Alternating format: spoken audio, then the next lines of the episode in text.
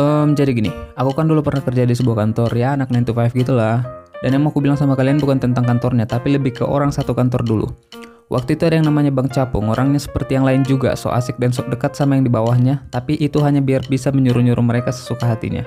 Dan kalau kalian juga pernah kerja di kantor, pasti udah nggak asing lagi sama orang-orang kayak gitu. Karena waktu itu aku yang paling muda ya mau nggak mau aku lah jadi target orang itu. Dan sesekali aku turuti apa yang mereka bilang. Dek sibuk kau, belikan dulu abang bentar nasi. Isikan dulu minyak kereta abang ini. Nanti sekalian lain nitip belikan pelet ayam. Pernah men sumpah disuruh aku beli pelet ayam sama disuruh aku ngantar ke rumahnya.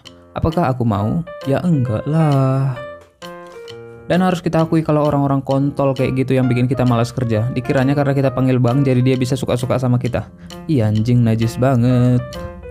Tapi oke lah soal itu karena aku juga sering nolak apa yang mereka suruh, jadi nggak terlalu masalah juga. Dan itulah kenapa banyak di antara mereka yang benci sama aku.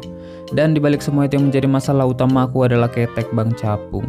Si anjing ini kan orangnya sok asik dan sok dekat gitu. Sok-sokan bikin bercandaan tapi nggak lucu, sok ceramain aku tentang cewek, sok-sokan bilang tentang cara biar dekat sama kepala kantor. Pokoknya sok asik lah. Yang paling parahnya lagi si capung babi ini mau merangkul-rangkul kalau lagi cerita. Padahal kan masih jam 10 pagi tapi keteknya udah basah. Mau muntah cok saking baunya. Pokoknya najis sekali lah. Aku nggak ngerti lagi sama si capung ini. Dia nggak tahu sama benda yang namanya deodoran atau gimana. Masa tiap hari bau keteknya tetap konsisten? Kalau dibilang gak punya uang ya nggak mungkin juga. Memang tolol aja si anjing ini, pantas aja nggak ada cewek yang mau dekat samanya. Udah bau, so asik lagi. Woi capung anjing, kau nggak pernah ya merenung kenapa orang-orang menjauh darimu? Sesekali waktu di perjalanan pulang coba kau merenung dulu anjing. Kenapa ya aku dijauhi? Kenapa ya nggak ada cewek yang mau sama aku? Kenapa ya aku hidup?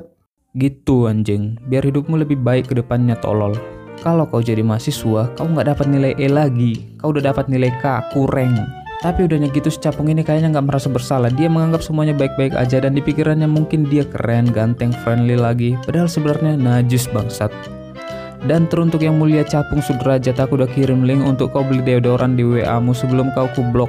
Atau kalau kau malas, aku udah tulis nama-nama toko yang jual deodoran biar kau langsung bisa dapat itu barang. Dan kalau memang kau nggak sayang sama dirimu sendiri, setidaknya hargai indera penciuman orang lain. Caranya gimana?